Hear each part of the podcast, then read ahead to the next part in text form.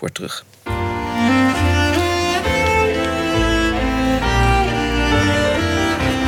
Het spoor terug. Ja, in het spoor De Amerikaantjes. Een documentaire naar aanleiding van het boek Kinderen van Zwarte Bevrijders. Een verzwegen geschiedenis. En dat is een boek wat afgelopen week uitkwam. De documentaire is gemaakt door Laura Stek en Wies Bakker. Op de lagere school dan merkte ik dat ik anders was. Omdat ik roeshaar had. En ik was iets donkerder als eh, de rest van de kinderen.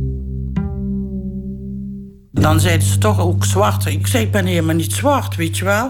Want ja, ik zwart, ik denk, moet pik zwart zijn, weet je wel. Ik denk dat onbekend onbemind is. En dat het zo duidelijk zichtbaar was dat ze Amerikaantjes waren. En dat ze dus ook onecht waren. Ja, je bent niet een van ons. Je ziet er anders uit. In 1945 worden in Limburg de eerste bevrijdingskinderen geboren. Een deel van hen is duidelijk herkenbaar als Amerikaantjes. Hun biologische vaders zijn zwarte Amerikaanse soldaten. In het witte katholieke Limburg zijn zij de eerste groep die er opgroeit met een afwijkende huidskleur. En dat blijkt niet gemakkelijk. Mieke Kerkels besluit er een boek over te schrijven. Kinderen van zwarte bevrijders. Ze wordt zelf vlak na de oorlog in Limburg geboren.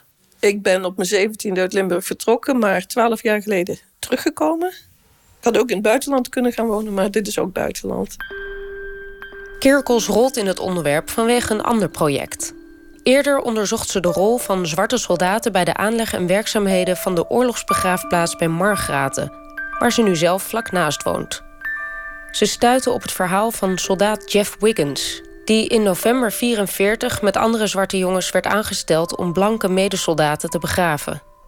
Smerig werk, dat alleen mannen van kleur moesten doen. Ja, er werden gewoon 20.000 lijken eh, binnen een mum van tijd uh, afgeleverd en begraven. En ik hoorde dat uh, zwarte Amerikaanse soldaten de witte gesneuvelden moesten begraven. Dat is een merkwaardig fenomeen. En uiteindelijk is er dus het boek gekomen van Alabama naar Margraten. En we zitten boeken te signeren ergens. En er komt een man van een jaar of zeventig. En ik denk, dat is een Surinamer. Wat doet hij in Limburg? Want hier zijn geen Surinamers. Maar wat zegt die man? Ik ben zo blij met uw boek. Want ik heb nog nooit iets kunnen vinden over de achtergrond van mijn biologische vader. Dat was een zwarte soldaat. En ineens dacht ik, oh, ik heb ooit eerder iemand... die is een keer bij me langs geweest uit het een buurdorp hier. En die vertelde dat ook. In Limburg zijn relatief veel bevrijdingskinderen geboren, witte en zwarte. In verhouding tot de rest van Nederland. Ik hoorde van iemand van het historisch centrum in eh, Maastricht dat er naar schatting 70 zwarte kinderen geboren zijn. Maar zeker weten doe je het niet. Goedemiddag. Komt u binnen. Dank u wel. Dank u wel. Een breed lachende man met een snor doet open. Ed Moody is net iets donkerder dan de gemiddelde Limburger en heeft kort grijs kroeshaar. Kijk, vroeger had ik uh, zo'n rol. Hier zag je dus wel dat ik krulhaar had. Hè? Volgens mij probeerden ze dat er een beetje uit te kammen. Ja, dat is een foto van mij. Zijn vrouw komt binnen met een grote Limburgse fly. Ze ontmoeten elkaar tijdens een optreden van Ed's bandje. En toen was het van, uh, ja, maar weet je waar, die, waar jouw dochter mee uh, omgaat? Ja, met een jongen uit hier. Ja, maar van een Amerikaan. En ik, en, een, een, een vriend, vriend van hem, die vroeg van... Is die met dat rode neger? Ja, ja. Ik denk, wat, met, die, met dat rode neger? Ik denk, wat, wat, wat, zegt hij, wat zegt hij nou weer? Dus, maar dat was omdat je rossig was en dan die krullen haar. ja. ja. En dan hebben ze iets nieuws en dan flappen ze dat er vaak uit. Hè.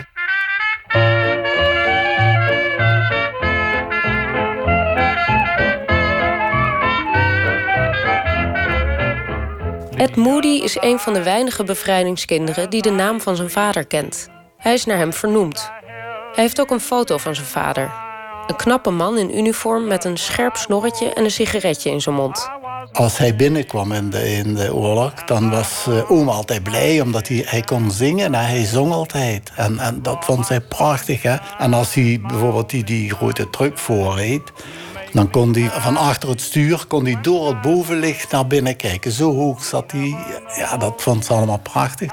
Dus ja, wat hadden wij in dit dorp? Was toen niet anders dan een, eh, een kar met een boer, een eh, paard ervoor. En misschien een, een, een iets eh, betere boer had een tractortje. Hè. Maar ja, die Amerikanen die kwamen hier met hele grote vrachtauto's binnenrijden. Dus dat waren sowieso... Dat was gewoon kermis als zo'n man kwam. Hè. Dat, iedereen trok daarvoor uit om dat te zien. Op 12 september 1944 zijn de eerste Amerikanen hier bij Mesh in Zuid-Limburg over de grens gekomen vanuit België. Er is een Red Ball Express gestart. Dat betekende een operatie waarbij vanuit Cherbourg en Antwerpen olie en andere voorraden hier naartoe gebracht werden, opgestapeld werden. En vooral deze regio, daar bleven de zwarte troepen langer om die, die voorraad op te bouwen. Het was één grote voorraadkamer, dat hele Limburg. De fronttroepen, dat waren witte soldaten de servicetroepen die voor de bevoorrading zorgden, dat waren zwarte soldaten. Die, mochten, die kregen geen geweer in handen aanvankelijk. Wel later, toen ze hier al uh, in de bevrijding zijn, maar tijdens de oorlog kregen die geen geweer in handen. Want wit was natuurlijk bang dat mensen die altijd onderdrukt zijn, als je die een geweer in handen geeft, dat het tegen hun gekeerd kan worden. Maar het was sowieso onmogelijk om zwart en wit in één unit samen te voegen, want die witte wilden dat niet. Overigens, geen van die bevrijdingskinderen die ik sprak, had ooit gehoord over de segregatie in het leger. Dat vond ik wel uh, schokkend, zeg maar. In Weert ontmoeten we een ander bevrijdingskind, Trudy Habets. Wat ga ik uh, vertellen of waar ga ik het over hebben? Of mag het, maakt niks uit. Trudy oogt innemend en vrolijk. Haar Afro-Amerikaanse herkomst is iets duidelijker zichtbaar dan bij Ed Moody. Ze weet niet wie haar vader is. Ik ken hem niet, dus daarom heb ik de naam van mijn stiefvader gekregen. Haar moeder had al drie kinderen met haar stiefvader toen ze zwanger raakte van Trudy. Een ingewikkelde constellatie dus. Haar moeder en Trudy's onbekende vader ontmoeten elkaar rond de bevrijding. In Limburg, het eerste stuk wat bevrijd was, waren overal bevrijdingsfeesten. Iedereen ging uit zijn dak. En alle georganiseerde feesten waren voor whites only. Daar mochten die zwarte jongens helemaal niet komen. In villa-wijken kwamen de zwarte soldaten niet. Die trokken zich een beetje terug in wijken waar ze ook een beetje onzichtbaar bleven. Mijn peetante, die heeft haar meegenomen. Want die heeft later nog gezegd... we zijn samen gaan dansen. Misschien is het in die avond eh, gebeurd. Dus in die zin zou ik zeggen, is het uh, of een ongeluk geweest... of ze vond hem ook nog leuk. Moet je nagaan, hier in een boerendorp. Daar komen dan die hele leuke jongens binnen... en die zetten de boel op stelte... terwijl ze vijf jaar oorlog hebben gehad bijna. En dan ook nog die zwarte jongens. Dat was uh, helemaal uit den want dat hadden ze hier ook nog nooit gezien. De zwarte jongens werden als curiosum gezien. Maar voor de jongens was het beter dan thuis. Want de Limburgers hadden in ieder geval geen kaas gegeten van rassenscheiding. Daar zijn ook heel veel verhalen over van mensen die zeggen, van, van zwarte Amerikanen die zeggen, nou ja, we zaten gewoon met mensen thuis. En dat tot verdriet van de Amerikaanse legerleiding. Überhaupt was policy van het uh, Amerikaanse leger dat uh, de situatie die de zwarte thuis kenden, dat, dat het hier zoveel mogelijk een afspiegeling moest zijn. Dus dat ze hier niet verwend zouden worden. Zoals na de Eerste Wereldoorlog gezegd werd van zwarte Amerikanen die in Frankrijk hadden gevochten, die waren spoiled by French women. Of als ze Parijs gezien hebben, dan gaan ze hier niet meer op de akkers werken.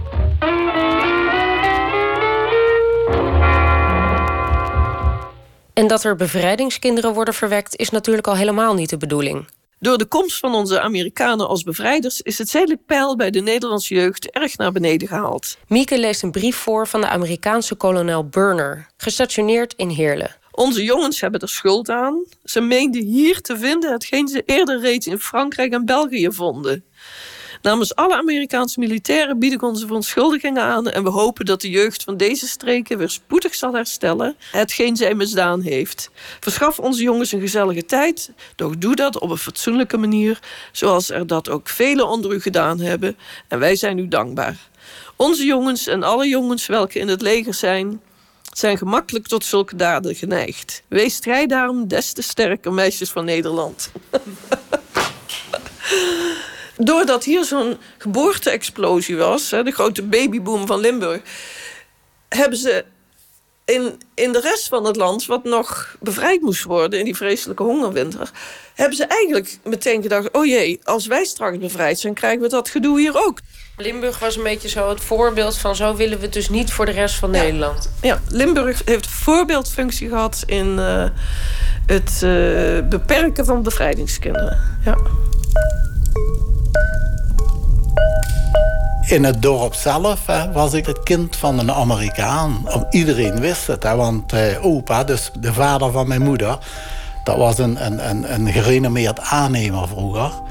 En, en dat was sowieso heel gevaarlijk. Of gevaarlijk niet, dat, dat een dochter van zo'n belangrijk iemand... dat is dan toch gevoelig. Hè, voor, dus heel heer wist... Uh, ja, Lena kreeg een kind van een Amerikaan. Dus dat kind was ik dan dus, dat kind van die Amerikaan. Moody's oma was eerst nog zo dol geweest op de getalenteerde zingende soldaat. Maar nu haar eigen dochter een kind van hem draagt, is die euforie helemaal weg. Zij is toen zo kwaad geworden op mijn moeder. Hè. Dus ja, mam durft niet meer naar huis. En die is naar haar broer gegaan. En die had een, eh, een, een eh, fruitbedrijf in Hasselt. En daar hebben we toen uh, vijf jaar gewoond. Ja. Dus de eerste jaren van uw leven wilde uw oma uw moeder niet zien? Nee. De eerste vijf jaar was ik een Belg in plaats van een Amerikaan. Moody kan er nu om lachen. Want toen zijn oma de kleine Ed na vijf jaar voor het eerst zag, kwam alles toch nog goed. Maar zijn 22-jarige moeder had geen gemakkelijke tijd in België. Ze was al getrouwd met Moody's vader toen hij terug moest naar Amerika. Ja, hij heeft dus uh, met uh, mijn moeder toen contact blijven houden. En toen heeft hij gezegd van ik moet terug. Hij moest dus weer in. En toen heeft hij doorgegeven waar en wanneer dat hij uh, aan boord zou gaan. Nou, toen zijn ze naar het station gegaan nog. Hè. Dus met, mijn oom heeft met de auto, die had toen een auto, die is toen naar de haven gereden voor te zien als hij uit met de trein aankomt. Maar ja, dat waren zoveel mensen daar. Dat was zo druk, zei ze. Hè, dat, uh, dat was gewoon niet doorheen te komen. En ze heeft hem ook niet meer gezien, nee, ook niet. Nee. Ik ben eigenlijk tot mijn zevende, moet ik zeggen, bij mijn opa en oma geweest. Ondertussen groeit Trudy Habets juist op bij haar opa en oma. Haar moeder heeft het gezin verlaten en woont op zichzelf. Haar stiefvader heeft zijn handen vol aan zijn eigen drie dochters. De ouders van nota bene haar stiefvader besluiten Trudy uiteindelijk op te vangen. Ja, het was een grote boerderij. Heel veel ruimte. Ik had ook letterlijk zelf gewoon ook ruimte om overal heen te lopen. En uh, er was van alles te doen op het land. En dan waren dieren. Uh, ze hadden aan dat straatje waar ze woonden, die heette Retersbeek. Die had eigenlijk zo'n zo'n gehuchtje. En uh, die hadden ook zo'n café, maar dat was alleen zaterdag en zondags open voor te dansen. En dat runde mijn opa en oma ook. Dus ja, alles was gewoon ja, heel blijheid. Als ik er nog aan denk, krijg ik nog steeds die blijheid terug. Maar die blijheid verdwijnt in de zomer van 1953. Toen waren we buiten, daar hadden ze een soort uh, terras, zal ik maar zeggen. En de, mijn oma en ik uh, waren altijd bij elkaar. Ik had ook zo'n klein bezempje. En we waren dat aan het schoonvegen. En ja, toen is de kinderbescherming langsgekomen. En die hebben me zo van de straat geplukt. En dan zo in de auto geduwd. Dus dat weet ik. En ja, toen is ze gaan rijden en toen zag ik mijn oma erachteraan lopen. En uh, zo naar het internaat gebracht. Trudy heeft nooit precies geweten waarom ze van de kinderbescherming naar het internaat moest. Er werd haar niets uitgelegd. Daarna heb ik mij eigenlijk bedacht: oh, misschien was het wel goed voor mij. Misschien waren ze te oud of zo, weet je wel. Ja, want je zoekt, blijft ook zoeken, hè. Want ik wist ook niet aan wie ik het kon vertellen. Want met die nonnen kon je het daar niet over hebben. Er zijn nooit echt ook gesprekken geweest, weet je. Dat je iets kon zeggen hoe jij je echt voelde of zo. Dus want ik heb ook al eens een keer gevraagd over mijn vader, weet je wel. Of ze, ja, ze krijgen toch een rapport, lijkt mij, mee of zo dat daar, wat daarin staat. Maar dat kreeg je dan ook niet te horen. Maar je kon misschien niet eens in je vroege jaren bedenken dat je een donkere vader had. Of was dat wel duidelijk? Nee, dat was eigenlijk niet echt duidelijk. Nee. Dat wist ik niet. Als je zo'n klein bent, denk je er niet bij na dat er ander bloed in je aderen stroomt als uh, Nederlands bloed. Uh, daar heb ik nooit, nooit, nooit over nagedacht. Hé, hey, krollenbol, ja, dat riepen ze wel eens. Hè, dat, uh, maar voor de verder is, nee. Hoe raar kan het zijn dat je met je familie op zondag naar de kermis gaat en dat mensen zeggen: Is dat er ook een van jou? Of dat ze toen ze tieners waren hier in een café kwamen en dat ze zeiden van... Oh, het is zwart en de kalt plat. Dat betekent hij is zwart en hij spreekt dialect. Ze hadden ook van die, ik weet niet of jullie dat kennen, die, die missiepotjes. Weet je, met die negertjes die zo... Uh, ja, zijn zo, zo vierkante spaarpotjes en er zit zo'n negerborst tot hier, zo'n negerkop. En uh, daar kun je geld in stoppen. En dat was voor de missiekindjes. Weet je wel, voor, uh, waar wij nu via de televisie 555 geld uh, doneren, was dat zo in zijn potje en dan gaven ze dat ergens af. Alles wat gekleurd was, dat kende men van missieprentjes. Wij hadden op school missieblaadjes met zwarte kindjes erop. Af en toe kwam een pastoor langs of een missionaris thuis op bezoek, hè, op vakantie. Er zijn er een paar die nemen dan zo'n kindje uit Congo mee... om te laten zien wat een zwart kindje is. Het was natuurlijk ook om geld op te halen, maar maakt niet uit. Het was gewoon niet bekend. En uh, dan zeiden ze, oh ja, kijk, die, die lijkt een beetje op Trudy, weet je, zo van, uh, van die dingen. Maar ja, het was gewoon heel, ja, het voelde gewoon heel vervelend. Dan wist ik verder niks, maar het was gewoon heel vervelend. Je krijgt echt, uh, gevoelsmatig was het echt uh, iedere keer raak voor mij. Maar het had ook nog met klank te maken. Hè? Soms uh, onthoud je die klank ook. Ik denk dat ze, dat ze hier zouden ze het woord compassie gebruiken. Compassie met die ermen zwerten. Terwijl, ja, dat, dat, dat, ding, dat beeldje kan er verder niks aan doen. ik bedoel... Maar ik heb heel lang, ik kon die dingen niet zien. En trouwens, nu nog, als ik echt binnen, je ziet ze nog wel eens bij de apotheker. Eh, dat je zo'n zo poppetje ziet en die dan, als je er iets in gooit, eh, dat kopje beweegt. In de eerste tijd dat Trudy in het internaat zit, staan Ed Moody en zijn moeder alsnog op het punt om naar zijn vader in Amerika te emigreren. Uh, haar jongere zus zei: Ik weet dat Lena, dat is mijn moeder, ontzettend veel hield van Edward. Toen wij dus naar Amerika zouden gaan, want uh, alles was geregeld, wij zouden dus uh, naar Amerika uh, verhuizen. Toen is oma, dus de moeder van mijn moeder, slecht geworden. Ze is ook gestorven toen. Ja, dan, dat, is dan een zeebel, hè, dat, voor mijn moeder. Ja, die wilde niet meer weg. Die, die termijnen van dat schip of vliegtuig, wat het ook geweest moest zijn, dat verliep allemaal. En uh, ja, toen was het over en uit. Wie weet wat ik daar, uh, als ik daar was opgegroeid, dat weet je nooit. Ze heeft later nooit geprobeerd uh, nog iets af te spreken? Nee, maar dat was niet, nee. nee. Op een bepaald moment heeft zij besloten om er niet meer over te praten. Om echt erover te spreken, nee, dat deed ze niet graag, nee. Of niet graag, dit, ze deed ik gewoon niet. Moody heeft dan wel geen vader. Hij groeit wel op bij zijn moeder en zijn extended family van neefjes en nichtjes, die hem gewoon zien als een van hen. Dat is bij Trudy in het internaat wel anders. Ze kan haar plek niet goed vinden tussen de andere meisjes. Weet je, dan zijn ze met zo'n groepje en uh, ja, dan zeggen ze: Wat gaan jullie doen? Weet je, nee, jij mag niet meedoen. Ik kan niet zeggen dat ze het lelijk zeiden, maar wel, je mag gewoon niet meedoen, weet je. En dan, uh, ja, dan sta je aan de kant, dan voel je alleen en denk je, wat zou ik kunnen doen? Maar soms mocht ik weer wel meedoen, maar dan gingen ze iets uitspoken, weet je wel? Wat, wat je eigenlijk niet mocht, zeker in internaat Je mocht bijvoorbeeld niet voetballen, meisjes niet, hè. Toen zeiden oh, zouden we hier, uh, gaan we hier een balletje trappen? Zei ja, is goed. En ja, je mag meedoen. Ja. En uh, als er iets gebeurt, of als de bal door de ruit gaat, of ja, weet ik wat gebeurt, dan hebben we het allemaal samen gedaan.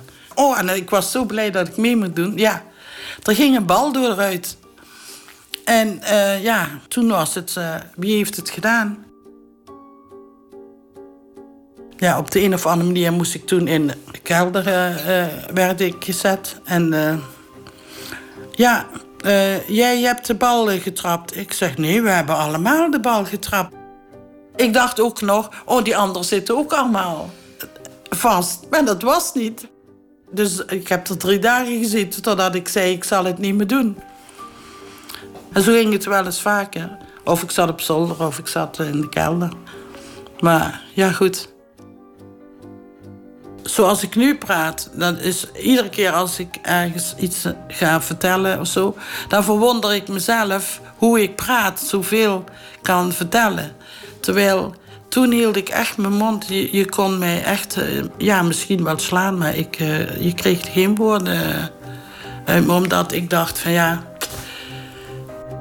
Ik denk ook dat de mensen gedacht hebben, ja. Wie is het eigenlijk, weet je?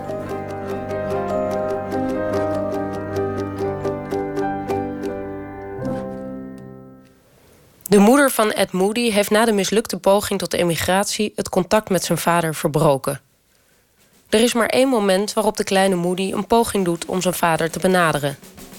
Ik wilde graag muziek maken, dat weet al. En toen heb ik eens gevraagd aan hem of ik een, eh, een, eh, saxofoon mocht kopen. Nou, want ik had geen geld, hè, dus uh, heb ik een brief geschreven. In het Nederlands, met al mijn taalfouten natuurlijk die ik toen had. Maar ja, ik kon dat waarschijnlijk toch niet lezen. Heb ik een brief geschreven of hij wat geld over wil maken voor een instrument te kopen.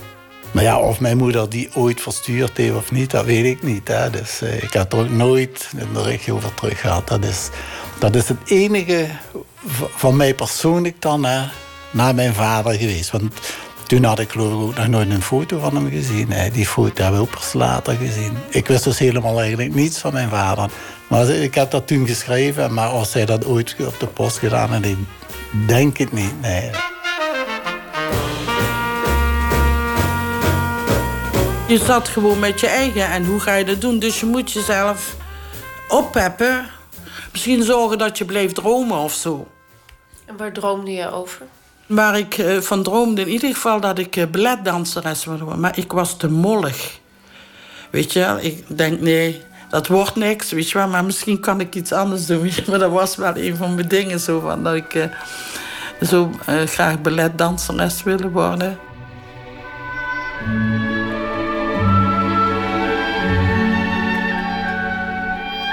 Het was ook altijd dat ik iedereen wel wilde laten zien, je, hier ben ik. Dat ik ook wel dingen kon, want ze zeiden altijd, oh nee, maar jij kan niet. Of uh, dat kun jij niet. Of laat maar zitten. Nee, dat kan beter iemand anders doen. Dus, en ik stond sowieso dan altijd in de achterste rij, zeg maar. En uh, ja...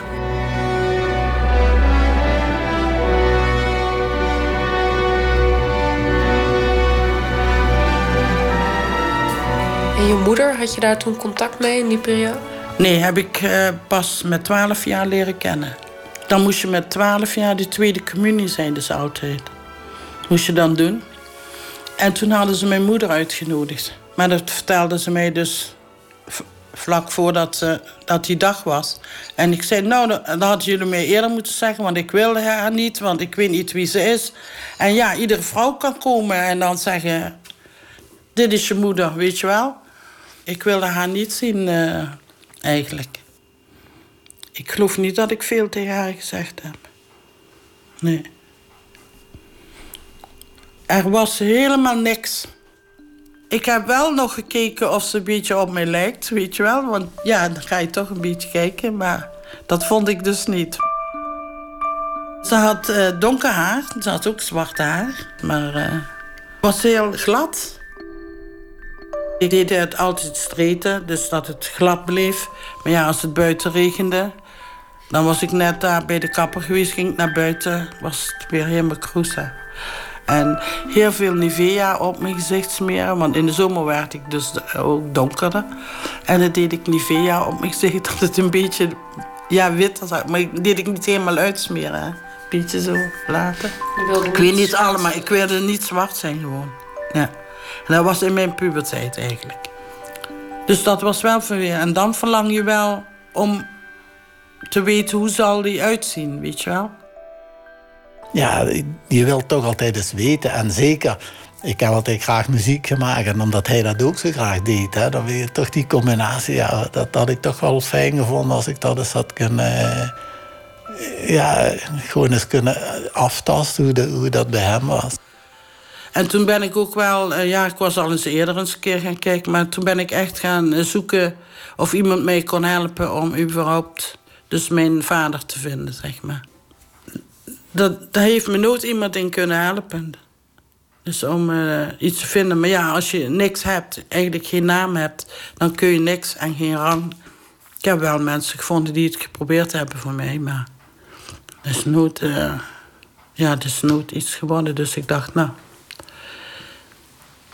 dan gaat het over. Het moet dan zo zijn dat ik. Uh, ik heb uh, altijd zo alles voor mezelf gedaan, dus laat ik het maar gewoon verder doordoen.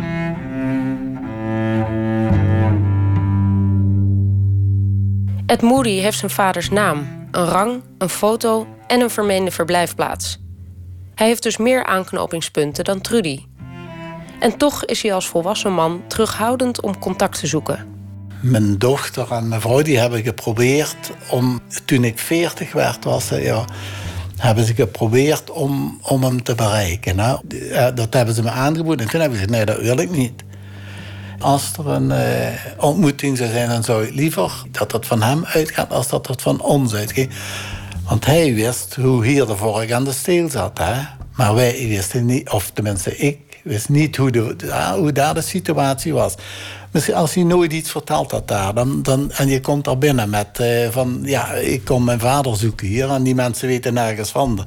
Ja, je weet nooit wat je dan kapot maakt natuurlijk. Hè? Dat, uh, ja, en dat, daar was ik het het meeste bang voor. Maar zijn dochter Esther kan het niet loslaten en traceert jaren later toch een adres. Ze pakt de telefoon. Uh, ze zei tegen die mevrouw aan de andere kant: Ik ben uh, Esther Moody en ik bel vanuit Nederland.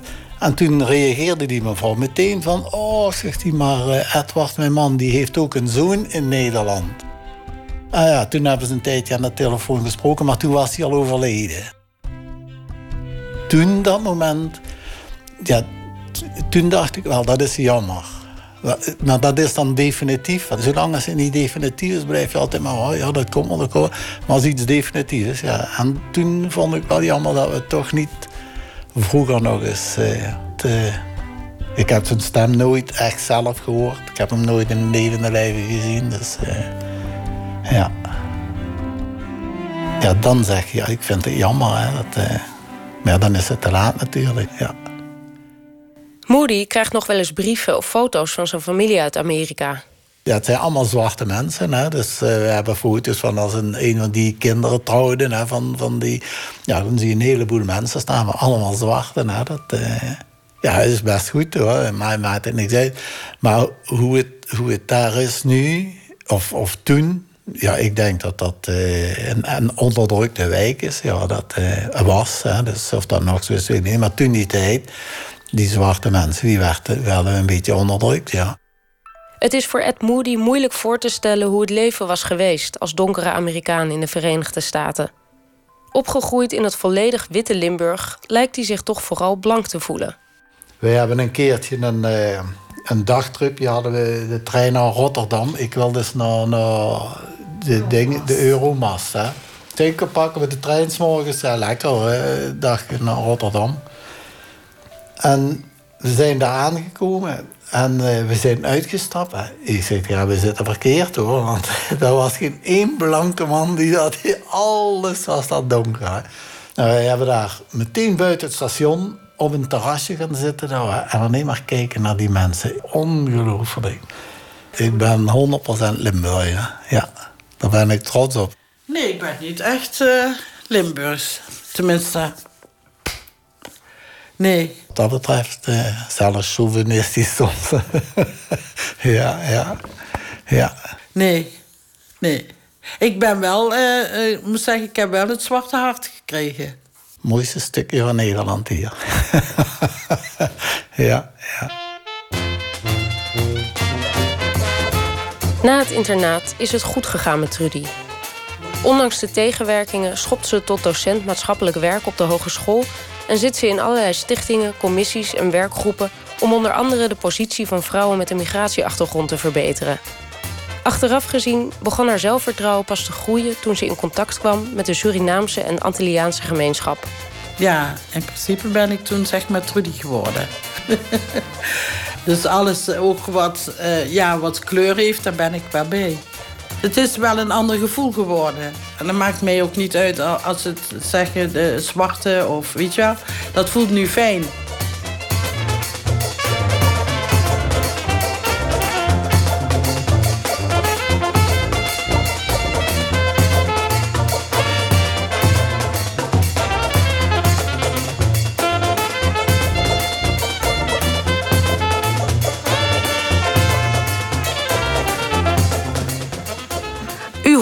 Documentaire De Amerikaantjes. En voor wie er meer over wil lezen, het boek Kinderen van Zwarte Bevrijders van Mieke Kerkels ligt nu in de winkel. En ook van Alabama naar Margaten, over de zwarte grafdelvers van Margaten. Het is een aanrader. In september volgt er nog een film over de bevrijdingskinderen, gemaakt door Hans Heijnen.